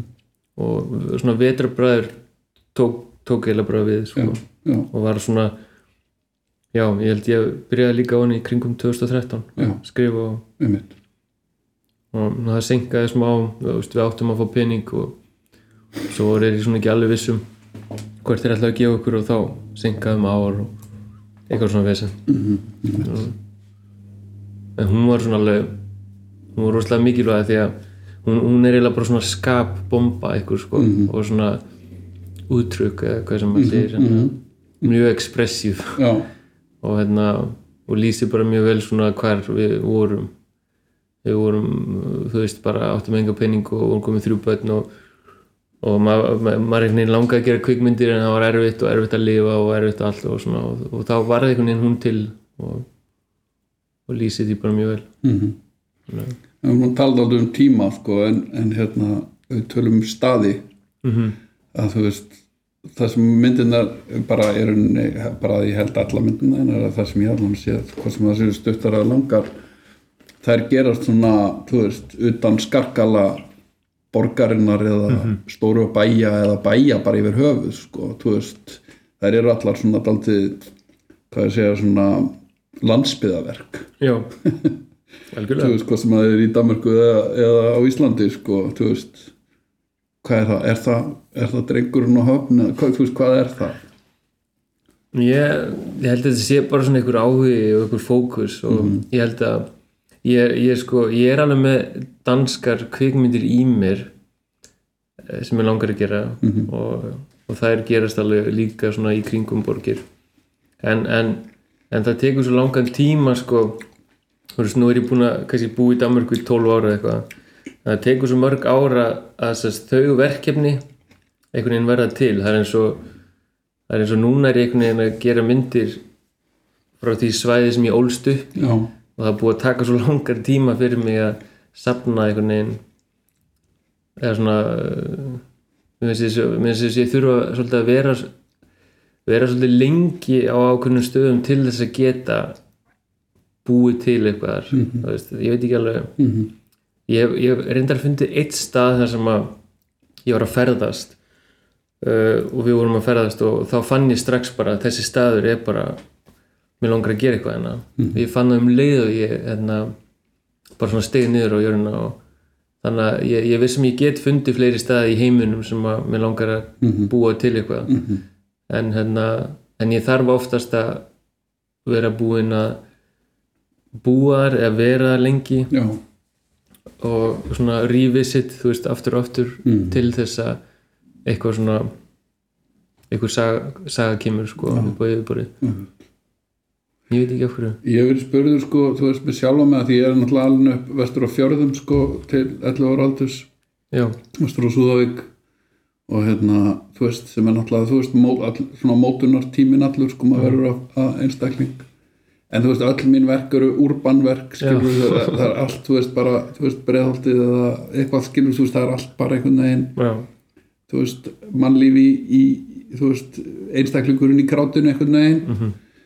og þú veist og ég spurður af hverju, ég, ég veit ekki ég er, en svo átti ég maður þú veist, ég hef alltaf verið að skrifa þá sögu líka með, þú veist, í öðrum verkefnum sem hafa aldrei orðið að veruleika skilur þú veist, já, en mér, mér líður eins og ég sé að fara þangað núna, skilur við þurfa bara að komast, Já, já, skilur við, akkurat. til að gera það sko, já, hérna það er áhugavert sko, hvernig þú veist, það er einhvern veginn svona umhverfið sem ég þekki best já en samt skrifar því Það- þetta er áhugað líka bara hver maður svona stundu þarf maður líka rosalega mikla, mikla svona löngun til þess að Mhm. veist eins og ég finna ég fann það rosalega stert þegar ég bjó í Danmörku til dæmis að ég hafa rosalegt svona desire eða löngun til þess að lesa íslensku.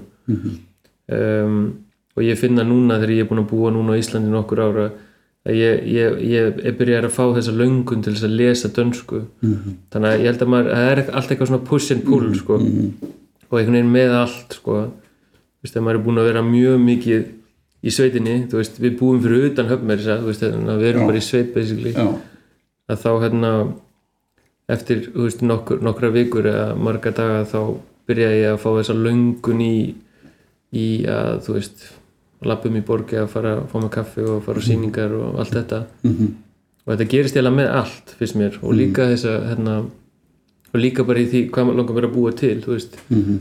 hérna, langar mér að búa til eitthvað danst eða langar mér að búa til eitthvað íslenskt eða hvað er, hvað langar mér að eyða tímanum mínum? Já, er svolítið líka. Já, veist, ef ég ætla að gera mynd til dæmis í Greiklandi þá veit ég ok, þá þarf ég að eyða nokkur mörgum mánuðum í Greiklandi, þú veist. Já, er það þessi virði, er það eitthvað spennandi eða? Mhm. þannig að ég, ég spáði rosalega mikið í svona hlutum Mhm. þú veist, þetta mér finnst ég eiginlega þurfa að búa þar. Já, ég veit ekki af hverju ég er svona en ég þarf eiginlega að búa þar sem ég er að búa til. Það er eitthvað- við eigum hús fyrir vestan sko, eða þessar fjölskyldan og svo vorum við að kaupa, þú veist, annað sem við erum að fara að gera upp sko, eða erum byrjað að gera upp svona 200 fermetra Kaufélagshús gamalt sem að, sem að hérna, pappi minn var kaufélagstöri já. Það er sko æðislegt hús sko, það er hérna sagt, með svona mikla sögu það er byggt sko 49 en, en efnið úr því er sko fyrsta kvalstöðin sem normenn byggðu 1900, njá, 1894 inn í fyrði og þeir í setna stríði þá var, var efniskortur þannig að fluttu þau ætlaðu að byggja kaufélaglóksins í þorpinu Já. og tóku sundur þessu gamlu kvalstöð og byggðu þetta kaufélag sko Magna og við keftum það núna og ætlum að gera þetta upp sko. þannig að veist, maður er alltaf að fara að sí ég er að vísa náttúrulega öll sumur sko. Þú veist, búin að vera síðust, síðustu 25 ára nánast sko. þannig að veist, maður er alltaf að að koma sér aftur heim þú veist, að einhverju leiti það er bara gott að vera með að hlúa rótunum eða það Já. sem maður kemur ég held að það sé mikilvægt að hafa einhverja rætur mm -hmm. Að þetta er greinlega þín leið. Mm ef við tölum um, um hérna sko kvikmyndina kvikmynd, sko, þú veist enn og aftur, hvað er kvikmynd? Það er, það er afstætt að einhvern liti en ef við tök, einföldum það niður í sem sagt kommersial kvikmynd og listræn kvikmynd. Mm -hmm. Uh, veist, hversu mikilvægt er það? Því að veist, þetta er alltaf smá debatt sko, veist, uh, sérstaklega milli, hvað ég segja, peningablana eða, eða framleð, framleð, framleiðslu hliðarinnar sko versus listamæðurinn en þú veist, hversu mikilvægt er það að, að leikstjórin hafi fullt listrænt vald yfir verkefni sín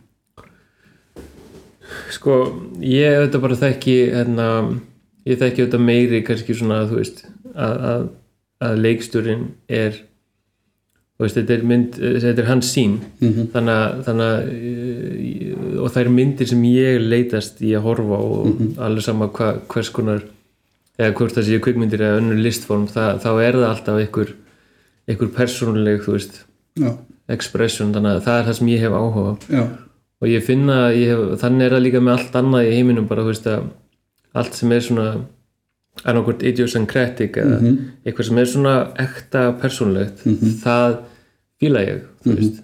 Og hérna, alveg sama þú veist, og maður finnur oft í mat líka víni eða bara Já. öllu. Það sem er svona pre, preconceived og fyrir einhvern ákveðin markað já, er bara eitthvað sem ég hef minni áhuga á. Já, þú veist, mér finnst það meira vatnað og meira kannski, mér finnst það oft kannski ekki ekki búið til uh, mikið pláss fyrir mig eða mínar Nei. hugsanir eða, Nei, þannig að ég hef minni áhuga því en ég finna samt líka að veist, ég horfi alveg stundum á kvikmyndir sem ég myndi kannski ekki horfa á einn, veist, eins og með börnunum mínum Mhm.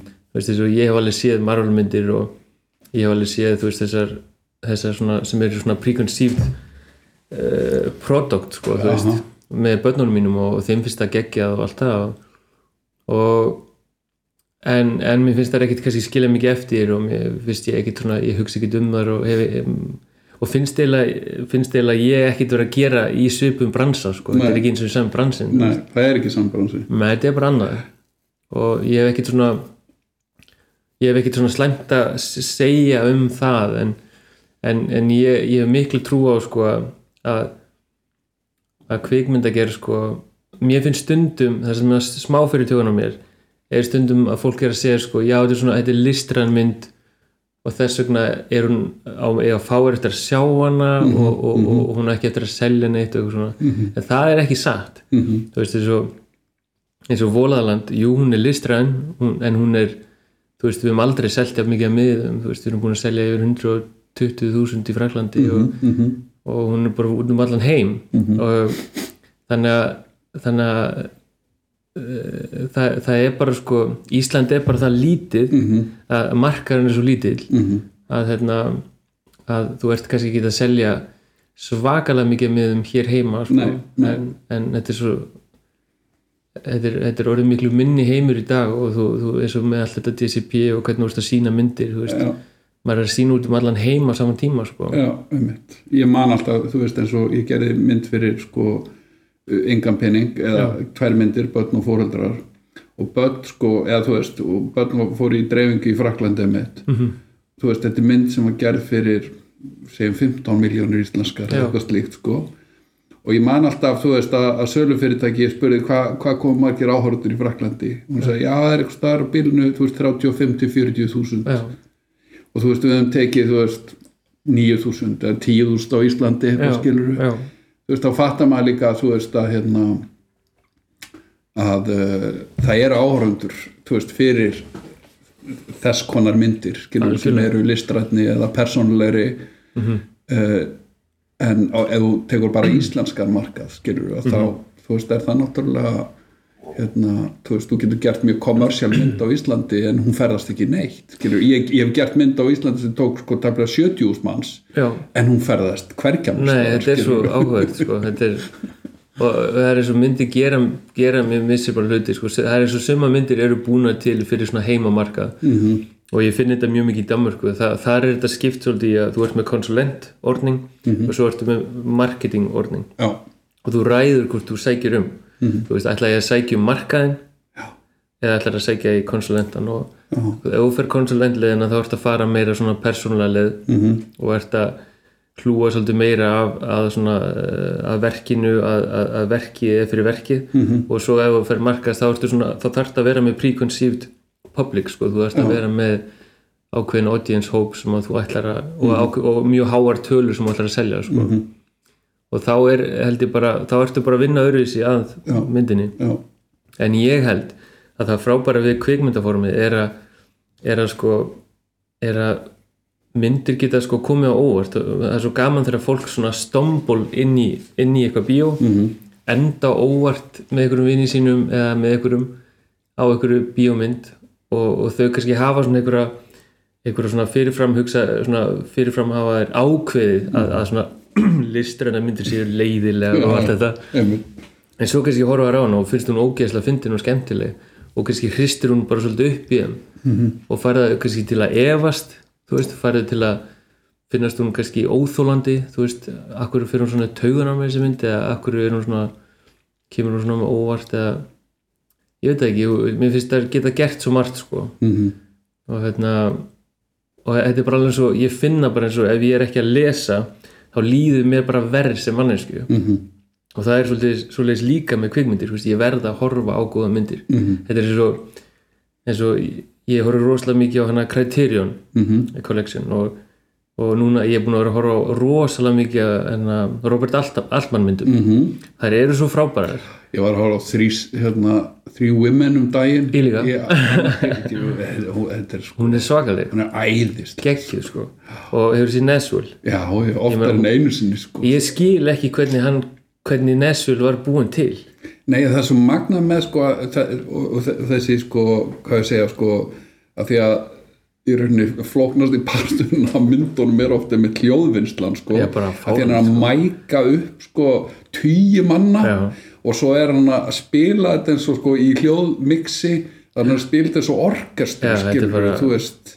Þetta er ótrúlega ég, ég nefnilega, sko, þetta er þegar ég horf á Robert Altman mynd það er bara svona, hann er allt það sem ég er ekki þú veist, ég, ég get ekki það sem hann getur. Mm. af því að hann ég get bara unni með einn hlut í einu ég er alveg rosalega innfaldur þú veist, ég, ég, get ekki þetta, veist, bara það að vera með tvo leikara í sama ramma þá er ég bara sveittur sko og reyna að finna út hvernig get ég fengið þetta til að virka -hmm.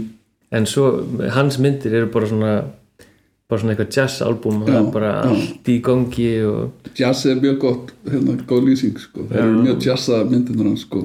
en þú veist, hérna, Three Women náttúrulega, þú veist, er einfaldar en margar Já, sko, en já. Þú veist að maður horfir á þú veist einmitt Nashville eða jafnvel The Player eða Shortcuts eða eitthvað af því það sem er svona multi þú veist, þetta er alveg hann er, hann er ótrúlegur sko. alveg magnaður. Og gaman líka hvað það er líka bara svo gott að þetta er bara alveg svo með lífið að veist, það er svo gaman að eiga vini sem að veist, koma frá ólíkum generationum, veist, það er gaman að eiga vin sem er þú veist, eh, sem er bara afi eða það er gaman, og svo er gaman að eiga vini sem eru yngri og svona önnur generation. Mér alltaf finnst það gaman. -hmm. en það er svolítið sama með kvikmyndir þú veist, Ma, maður finnur hvað maður hefur gott að því að fara tilbaka og horfa myndir frá 80 og já, 70 og að því að þú veist, þeir eru að gera ótrúlega hluti og hérna og maður svona heldur einhvern veginn að að margir halda einhvern veginn að svona alltaf, ný, alltaf, alltaf nýja er, er, er gott sko en, en það er svo langt frá því sko það er hérna einmitt, þú veist, enn og aftur Three Women, sko, þú veist, hún er, hún er svo gott dæmi, sko, um eitthvað sem að menn er reyna í dag já, þú veist, bara svona, þú veist uh, bara frásagnaraðferð Mhm. eða, þú veist, sem að menn er að rembast við að reyna að gera í dag til að Já. koma óvart eða, já. eða þú veist, fara á eitthvað svona þú veist, eitthvað svona existentialega huglagan, Mhm. huglagan stað, sko, hann, það, er algjör, sko, algjört meistaraverk, sko. og hann gerir þetta svo effortlessly sko þetta, er svo, þetta, er svo, þetta er svo truthful þetta er svo tilfinningin er þannig -hmm. að þetta, þetta er svo náttúrulegt -hmm. að því að hérna, já, hún finnir hvað er koma mikið á óvart stanslust í gegnum myndina Já, en það er eitt sem ég hef tekið eftir að, að það er eitt af því þeim ástæðum fyrir að ég og Hildur erum svolítið svona að fara tilbaka stundum -hmm. en við erum auðvitað, við erum auðvitað að horfa fullt af nýjum myndum svona eins og þegar maður fyrir á festival og svona og Já. það er alveg já, en ég finna að, hérna, að við erum svolítið mikið að sækjast í að fara tilbaka og það er eins og að sé mér finnst sko, eins og að sé meiri hlýja Mhm. það, er svona, það er eitthvað svona meiri humanity -hmm. og það er eins og mikið af því sem maður er að sjá í dag er svona tilfinningin er eins og þetta er of ég finn of mikið fyrir batteríinu. Já, þú veist, þetta er svo skrítið. Er eins og ég finn fyrir sko of mikið fyrir sko systeminu. Mhm. -hmm. þetta er svona og mér er skott að horfa þessu gömlu það er svona aðeins meiri rock'n'roll sko. já. En hann sagði líka bara áhugaverð þú veist, og maður líka alltaf að skoða þú veist, bara þú veist, hver er ferill leikstjórans eða höfundarins og svona skilur þú veist, og svo misjafn tíminn er misjafn en hann er náttúrulega sko hann er, þú veist, hann er aldrei megin strömsmaður, skilur Mm. hann alltaf að gera tilraunir en einhvern veginn á þeim tíma hann er heppinn, þú veist, þarna í, af minnst eitthvað í tíu ár, sko, Já. kannski 15 að þú veist að hann, hann er að gera tilraunir og þær fara bara svona mm. -hmm. stúdíódreifingu, skilur þú veist, sem er uník sko. sem er uník sko, en svo þegar heimurinn breytist upp úr 80 þá er hann bara þú veist, getur hann ekki gert lengur skilur hann einu og einu mynd og sem betur fer svona þú veist, svona, þú veist á síðust árun ná hann að gera þó nokkuð sko, Já. en það kemur svona gap í ferilinn sko, 80s gap.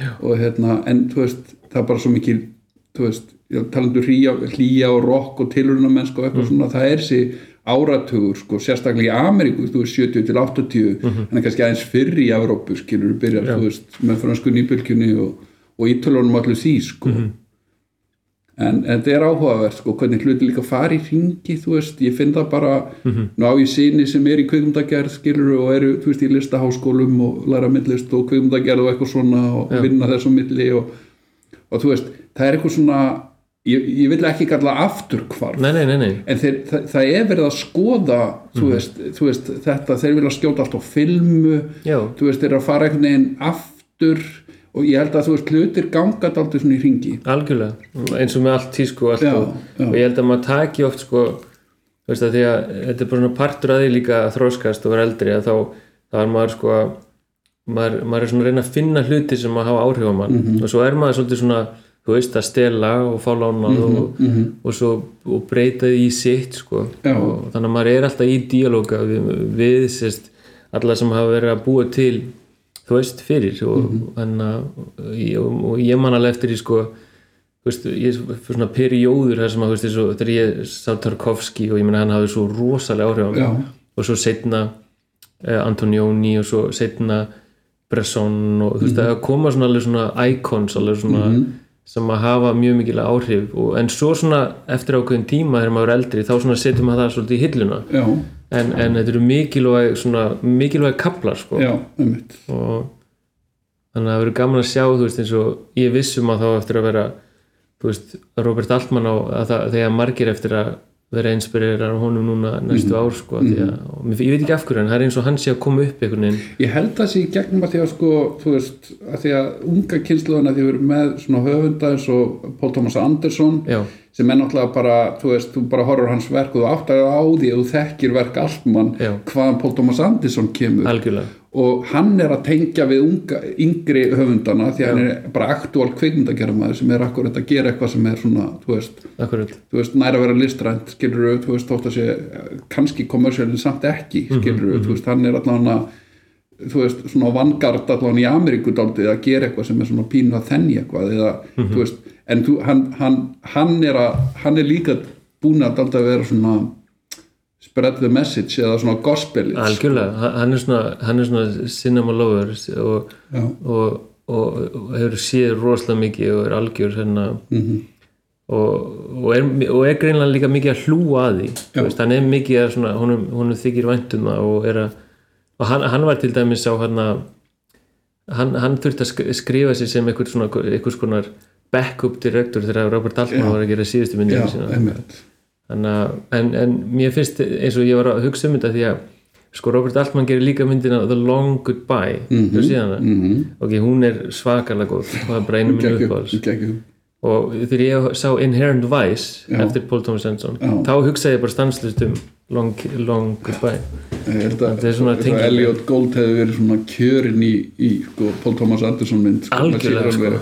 Já, já, og mar margt sko, þú veist, þú veist, ef maður horfur á setni tíma verk, þú veist, Shortcuts og svo horfur á Magnolia, skilur, þú veist, það er alveg svona það er fullt af tengingum, Já. sko. Uh, hérna uh, og ég, og ég tengi mjög mikið við PTA sko, Paul Thomas, hann er svona alveg, algjörlega einn af mínum uppáhalds og mér hlakkar svo ótrúlega mikið til að þegar hann er að koma út með mynd þá er ég bara bara svona eins og ég var þegar ég krakki sko. Ég er- hann, hann er einn af þessum fáu, sko, sem býður með eftirvæntingu eftir nýri mynd, Já, sko, já. veist, og og mér finnst mér áhugavert enn og eftir að tala um sinni mína skilur sem eru, þú veist, 22, 30 ára já, þú veist, hann er veist, einn af þeirra frábært. þeir sétt allt og, og, og þú veist, og ég spyr, þú veist, hvað er uppáhaldsmyndin ykkar og þá er þeir ka- kannski ekki alveg sammála en, en þú veist, það er annarkort, þú veist Phantom Thread eða Já. skilur, þú veist, er skrítið, þú veist fólk sko. tengi við þetta, sko og hérna ég held einmitt, sko, að, að hérna, þú veist, það þurfa að vera einhverjir, hérna, predikarar Mhm. sem að ber út fagnaðar erindið skilur sem ná eirum skilur upp á bara að sagan lifi, þú veist, nöfnin týnist ekki og allt þetta sko Já. en svo er svo aftur, enn og aftur eins og maður allt mann, þú veist, ekki, eins og hann sé eitthvað glimtur Mhm. en, en hérna sum, sum verk, þú veist eru tímalös Já. þú veist, og sum verk þú veist, öðlast líf setna enn og aftur, hérna, þú veist Night of the Hunter, Charles Mhm. Lawton skilur 54 eða eitthvað og, og þú veist, og hún, hún er ekki tekin inn í rauninni fyrir 40 árum síðar skilur einhvern veginn sem mestarverk já, sko. akkurat það, það, sagan er uppfull af þess já, algjörlega algjörlega þetta er oft svona það, það sem er það sem er svona erfitt núna í dag er að þú veist eins og það, það er erfitt að það er erfitt að sko það er engin auðvitað örugur með body of work, þú veist, það er engin örugur með að geta farið úr einni myndi yfir í aðra mynd. Nei, þú veist, ma maður stundum horfið á þú veist, maður kannski þegar maður er í danska kjöfmyndaskólanum og maður kannski horfa á Ingman Bergman myndir eða eitthvað. Og þá var maður bara svona, ég fattaði ekki sko hvað hann, hann var svo ógeðslega produktífur. Já, að þegar maður að horfa myndina þess að maður bara byrja, gerði hann þessa sama árið og þú veist, ég skildi nei. Og þá, þá er hann kannski eitt, eitt árið gerði hann þrjár bíómyndir þú veist, ég, ég, ég, ég, skilaði ekki sko. Og en, hérna, en, en samt þetta er svona gott spark í rassin sko um að sko að auðvitað ég er ekki að segja að þetta enda, ég held að hann enda á spítala hann þegar hann að því Jú, að jú. þetta var bara mikið. Já, já, en hérna en uh, þetta með að sko vera í ferli Mhm. þú veist eins og ef maður er málari þá þarf það að mála skilur Mhm. og þú ert eiginlega að mála hverjum degi. Af því að þú veist, það er vesen þú veist, ef að penslænin er alltaf að þotna og málingin er alltaf að þotna og veist, það er ákveðu vesen, þú þarft eiginlega að vera í gangi já, bara á hverjum degi. Já, og mér finnst það líka svolítið með kvikmyndagerina mér finnst gaman að vera svolítið eiginlega skjóta bara í hverju viku eitthvað -hmm. og vera að fá materiál, vera að reakta vera að horfa á það, vera að klippa það saman vera að skrifa veist, það er eins og ef, þú getur fundið leið til þess að gera þetta rosalega mikið að þínum hvers, hverstaðs já, já, þá, þá finnst mér hérna, rosalega spennandi. Já, þannig að eiginlega bara síðustu ár hafa bara farið í það að reyna, er þetta að gera þetta einhvern veginn þannig að ég sé alltaf að brasa eitthvað þú veist. Einmitt. Já, bara að- að að halda sko, hvað ég segja, þú veist, bara vöðvunum á reyfingu, skilur við, þú veist, hérna, mentalvöðvunum, sko, því að, þú veist, Bergmann, að, þú veist, við berum hann saman einhvern svona nútíma höfund eins og, þú veist, Tarantino, þetta sé nú sér um skólanum, sko, Tarantino er, að, er svona allar að gera tíu myndir, skilur við, en Bergmann, sko, hafa búin að gera, þú veist, 15 eða eitthvað að hann gerir sumar með Móniku eða, og, þú veist, og Walt Strawberries og allt þetta dót, sko, þú veist, hann er búin að gera það Bergman Comedy, skilur, hann er búin að gera 10, 15 ég veit ekki hvað marga myndir áður en hann einhvern veginn að heimurinn tók eftir honum, skilur við sama með Hitchcock eða eitthvað þessum, þú veist, það, þetta var bara svona maskina, já, þetta hlutir hafa breyst, þú veist. Þú þarft einhvern veginn, þú veist þú færir miklu minni sjens í dag Já. þú veist, tími, þú veist það er, strúktúrin er bara þannig sko, hinn ytri strúktúr já, fjármögnunaferlið, allt þetta dót sko, þetta er orðið, þú veist háði ykkur um lögmálum sko, já og, og það er erfitt að ná sko í gegn. Það er erfitt að vera, að, vera séður sko. Já, af því að, að þú, þú farir svona þú, kannski, þú er kannski búin að vinna í kvikmynd í sex ára eða eitthvað. Og svo svo, svo erum búin og þá ertu ok, nú þarf ég að finna stað sem hún á, við ætlum að frumsýna hana. Og svo er kannski enginn sem vill hana þú veist, og þá er maður bara fókt sko, og það er hérna svo getur maður verið heppin stundum. Mhm, maður kemst einhvern veginn inn einhvers staðar eða eitthvað. Og þá, þá kannski er, þá er maður komið smá kontakt og þá getur maður aðeins meira á næst og aðeins betri stað næst og allt þetta. Mhm, en, en þú veist, ég, hérna, ég og marga vinni sem að sem að hafa verið bara óefni með bara að komast ekki á rétta staðinn. Já, og, hérna, og þá, þá er bara lífmyndar en allt öðruvísi þú veist, af því að ef þau gengur vel með byrjunina, þá er kannski myndin með frábært líf í næstu tvö ár. Mhm, en ef ekki að þá að þá hérna þá, þá er, er hérna er hún bara ekki jafn mikið sínt sko, þú veist, það er bara og ekki jafn mikið seld og allt þetta. Markarinn er bara fáranlega erfiður sko. Já, þannig að einmitt. Hérna skulum nú ekki hérna, tala í marga klukktum en ég er samt eitthvað svona finnst það áhugavert að, þú veist, það, það, þetta er erfið spurning og, og, og hérna kveikindisleg en sko, þú veist þú, þú veist, þú getur samt þú er búin að gera þrjári myndir í fullri lengd og það eru orðna nokkur stöðmyndundar er eitthvað svona, þú veist hversu analytik ertu þú veist, að horfa tilbaka? Þú veist, horfur mikið á verkiðin, þú veist, aftur og aftur þú veist, ertu að skoða þau þú veist, eftir þau eru tilbúin? Kemur auga á einhverja svona þætti?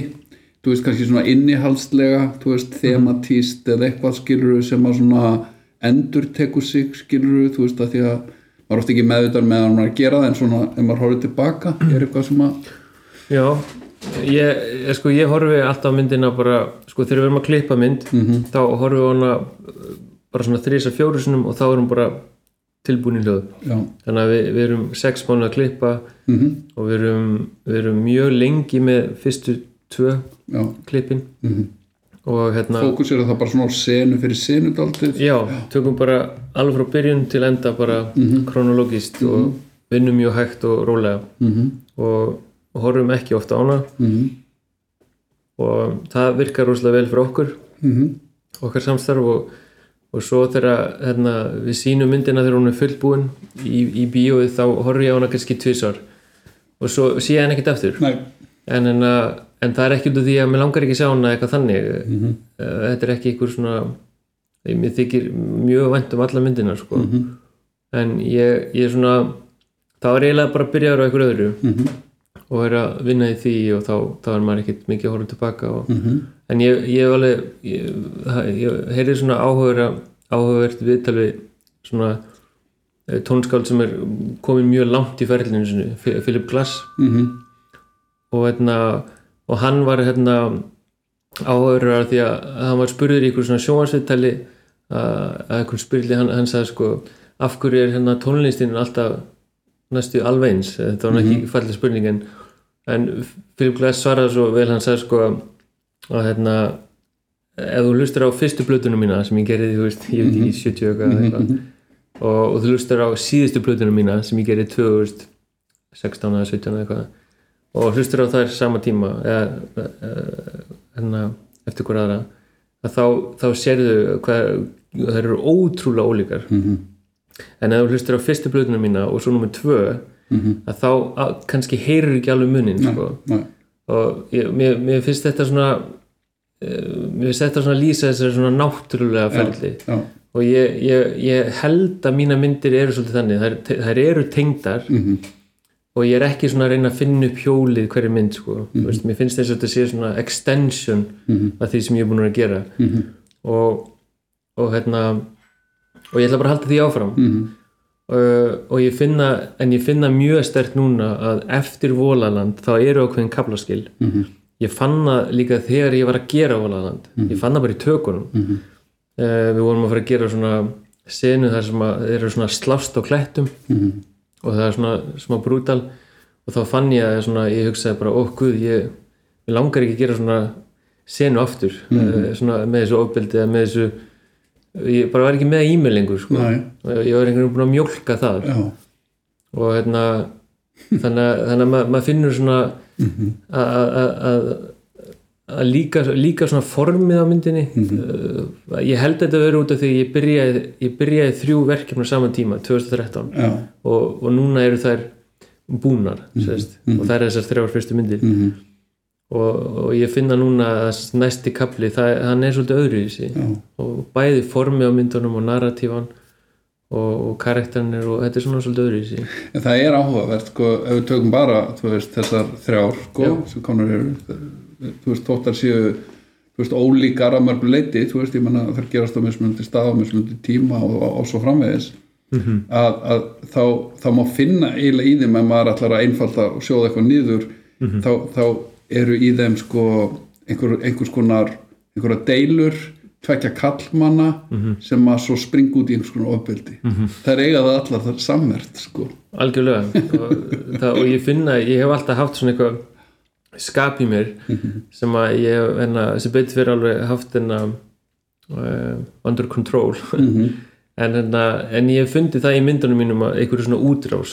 Það er einhverju útrás sem ég fæ í því að þess að ég, ég veit ekki hvað það er sko, en, en mér finnst þess svo mér finnst einhvern veginn ég með mér finnst ég róast rosalega mikið við að gera það sem ég er að gera Já. Þú veist, þessu, þegar, þegar ég er búinn með kvikmynda þá er það er eins og ég sé að, þú veist, að ég finn bara svona einhvern ákveðin einhvern svona þingsl fara úr líkamannum mm -hmm. veist, í hver skipti sem ég klára mynd Mhm. og ég held að þetta sé þingsl sem að eru í mér líka áður en ég gerir myndina þetta er ekki bara myndin sjálf heldur þetta er svona þetta er svona uh, já, þetta er, þetta er mikilvægt að mörgu leiti fyrir, ég veit ekki af hverju það er en, en ég held, þú veist, já en þú veist, þetta er alltaf maður er náttúrulega alltaf að, að hérna exorcisa einhvern djöful úr sér skilur Já, í listsköpun, það er bara, þú veist ég menna, listsköpun er alltaf náttúrulega einhvers konar endurspeglun á hugarefnum eða tilfinningum eða Já. hverju sem er sko. já, og svo þroskast maður og þróast ef þetta er svo glaskilur, það verður þú veist, það er þú, þú kemur ekki auðvitað á þetta ef að body of work er orðið já, 50 plötur eða 50 Já. myndir þá, þá kemur ekki auðvitað á þetta endilega sko. En á einhverju svona tíumbili eins og, og ekki skrítið á öll verkin eiga sér svona einhvern upphafst tíma á svipuðu leiti skilur Já, að þau séu endurspeglun á sama þemanu eða endurspeglun á einhverju hugmynd sem, akkurat. sem að finnur sér svo mismunandi narratívan farveg sko. en hérna já, það er kannski þá bara síðast spurning. Þú veist, hvað er framöndan? Hvað hérna, er, liggur eitthvað fyrir? Þú veist, ertu svona þú segir nú er nýr kapla hægast kannski? Já ég, hérna, ég er svona með ég, við erum núna að reyna að undibúa þrjárkvikmyndir Mhm. og Það er eitthvað komin já. Halló. Hæ, Hæ, hvað segirðu? Blessaður Hér er komin Konráð hérna kveikmyndanum yfir listaháskólanum Vel. Nei, Þið mættum í gær og Flottur, maður. sko. hvað segirðu? Þegar ég var að segja þrýfót Sæll Blessaður. Hérna Sem er í, í bílnum hérna Toyota hvítabílum Já Herðu, þannig er líkillinn og hérna hendur hann sem bara aftur inn Já. Hvað er það að skjóta á? Ah, nei, ég skila hérna Ég til. Erlends Ok. Við vorum með þetta frá hérna þegar við skutum Ok. okay. Með tónlistamöfni Herðu, Konráð er í, í Gotlandból og mertum hlinni Pálmarsinni Já, Hvers, hvers konar er þetta er það? allt planað Þetta er ridiculous. við plönum þetta í í. Varstu varstu á frumsýningunni í gerð? Já. Já, Annars sem ég sá hana já, Og hérna Fekk því hérna Jón Ríkardæðir að vinna fyrir mokkan já. Fekk ég hérna að fara Og hún hérna gaf þér Fimm aðeinslegt Já, hún er sem morgunblad. Fyrstu Já, fimm frábært. Sem hún bara geggja Herru, þetta er bara ridiculous tímasetning þetta er, á þetta er þetta er eins og við séum búin að plana þetta. Herru, hendur bara leiklunum aftur inn, þú er búin að sækja þetta koni. Þeir eru bara já, sömulegis Já, hérna. Talandi um ungu kynnslóðuna, þetta er. Konráð er hann á fyrsta ári, einmitt með sinni mínum í, í hérna, listaháskólanum, Já, kvikmynda list, geggja talandi um, um hérna, um, um að hlutir fyrir hring, þetta er, þetta er filmuliðið, sko, já, akkurat. fólk sem er að pæla í alls konar. já, það er gaman að kynast báðu því að þú veist, maður kemst ekki hjá því að kynast digital og það er fínt og, og það er gaman að, að svona, það, það kemur eitthvað annað með filmunni. Mm og ég held að það sé mjög holdt fyrir fólk að sjá að það er mjög holdt líka bara fyrir okkur sem sögum að hafa valið sko. -hmm. að því að va, valið er svo mikilvægt að, að maður getur að maður getur móta verkefni út frá ákveðnum ákveðnum materiali. Að mm mér, mér finnst bæði sko ekki bara útlitið sjálft heldur líka sko ferlið.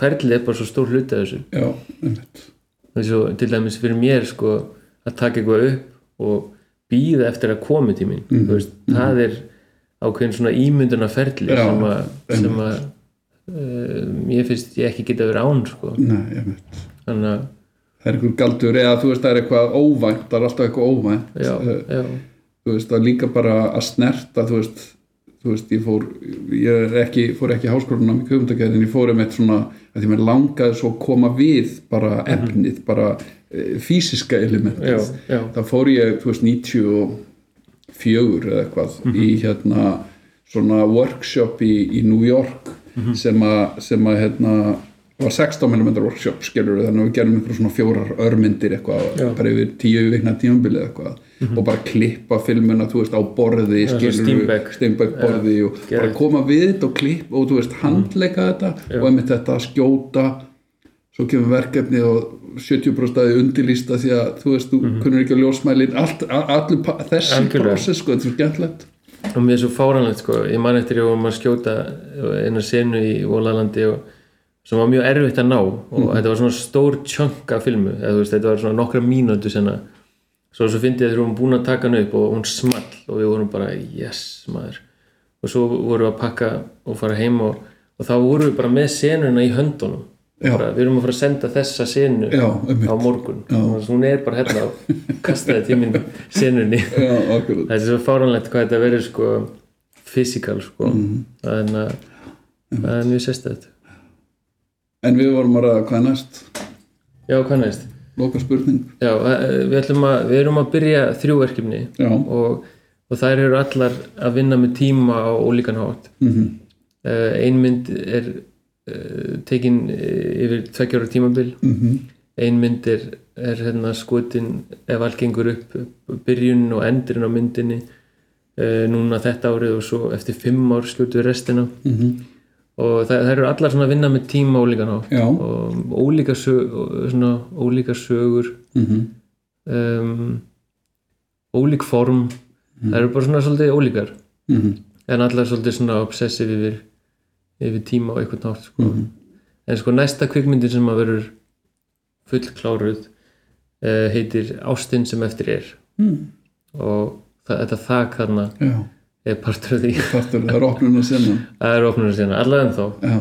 þannig að, en, en þú segir þrjú, þú veist, þú er að leggja á stað með þrjú verkefni. Já, þú veist, e- er það af einhverjum líka þú veist, auðvitað, þú veist, svo sem þú, þú veist að segja og, og verð sem þú ert að skapa en náið einhvern veginn þú veist, ef þú tala bara um þig og framleiðandurnar skilur, er það eitthvað er það eitthvað pakki sem þið geti gert upp á bara fjármögnun og annars líkt það er nefnilega það sem er svolítið trikki sko.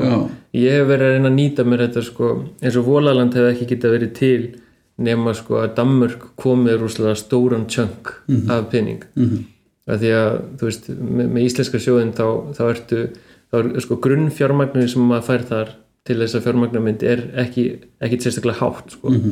þannig að og við vissum það að Vólaland var í dýr. að bara þegar maður fer í perióðu þá, þá kostar bara allt meira. -hmm.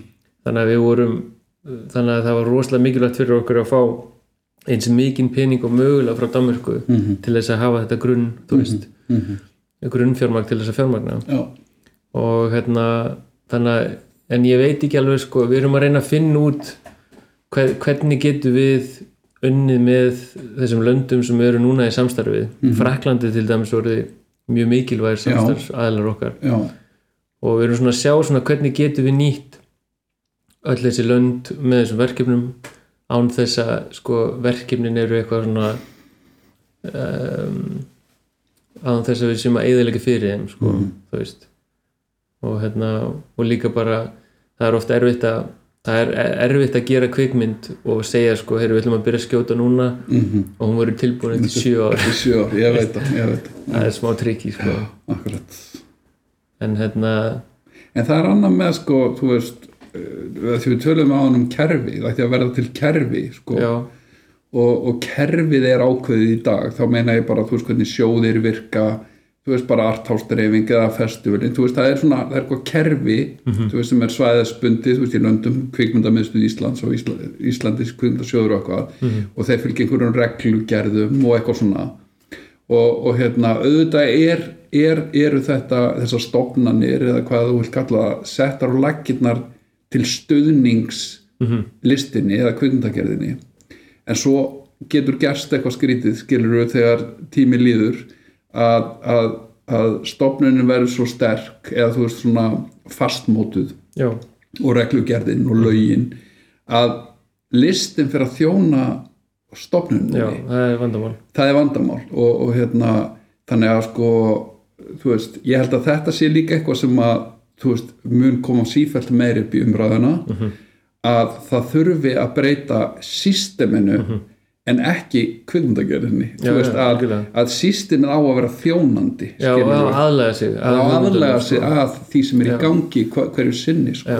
Ég, ég held að það sé rosalega mikilvægt að, og ég er alls ekki á móti veist, markasmyndum sem selja mikið. Ég Nei, er nei, ekki að segja það. Nei, en ég held að það sé rosalega mikilvægt að það er alltaf verið að hlúa að sko, að þessum sem að, sem að eru að íta myndunum sínum alveg á svona einhvern veginn the edge eða þannig, að ég held að það gerist rosalega mikið þar. Mhm, og ég held að hérna, hérna, að það sé mikilvægt að sko einhvern veginn er hægt að vera í díalóga við sjóðina að sko að við, að, við erum að spá í verkefni sem er svona og svona og þess vegna þurfum við eins og til dæmis bara með heimildamind. Já, bara nú ætlum ég, við ætlum að skjóta í ár og svo næsta ár og næsta ár og, og þá fáir eitthvað svona þróuna pinninga til að vinna með það. Mhm, um, og þú veist, er hægt að gera kvikmynd þannig, þú veist, að við fáum bara svona þróun að skamta eða, eða, eða, eða s- kannski 20% að öllu núna en ekki og svo restina setna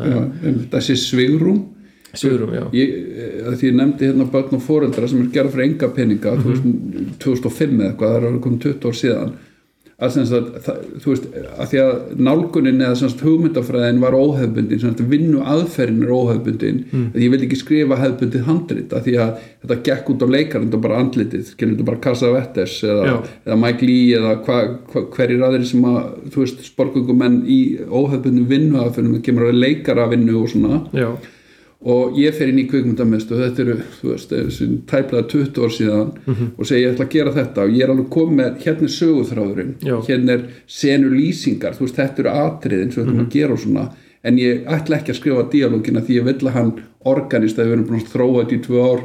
Við ætlum að verði bara organist til fyrir framann vél. Já, og ég vinna niður, ég eima niður fyrir framann vélina, skilur og milli tak og svona. Já, þú veist, það er vinnuaferðin og það var bara computer says no. Reglugerðin segir hér til að fá framlustustyrk þarf það að vera með útskrifa handrit með leikteksta Já. upp á 90 til 120 blaðsíður. Það segir reglugerðin, þannig að tölvan segir nei.